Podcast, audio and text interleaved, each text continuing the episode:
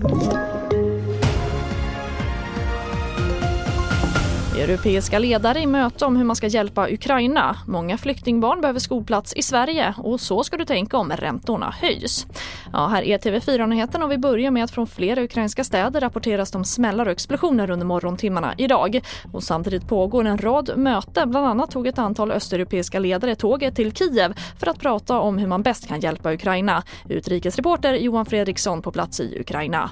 Det kommer ju bli en eh, geopolitisk katastrof om Putin kan triumfera i det här kriget. Det är någonting som eh, västmakterna just nu inser och de här tre länderna ligger i spetsen för den insatsen för att kunna stärka Ukraina så att de kan försvara sig mot det här brutala anfallskriget från Moskvaregimen. Eh, jag tror att Europa och de västliga demokratierna har inte råd att se Putin vinna det här kriget.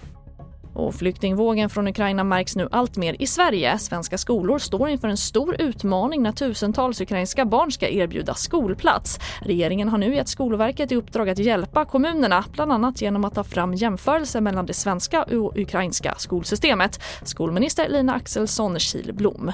Vi har ju gett Skolverket ett tydligt uppdrag att stötta alla skolhuvudmän eh, på området och vi ser över flera aspekter av just mottagandet så att det här ska ske så effektivt som möjligt.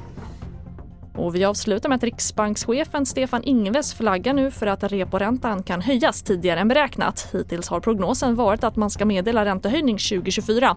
Men nu öppnar Ingves alltså upp för att tidigare lägga beslutet. Och Frida Bratt, sparekonom på Nordnet, säger att hushållen behöver ta höjd för att bolåneräntorna kommer stiga.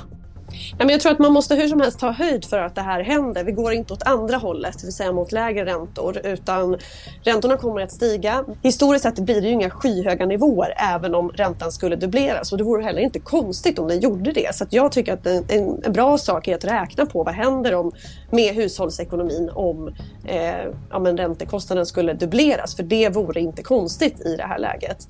Och en längre kommentar med Frida Bratt kan du se på tv4.se och det får också avsluta den här sändningen. Jag heter Charlotte Hemgren.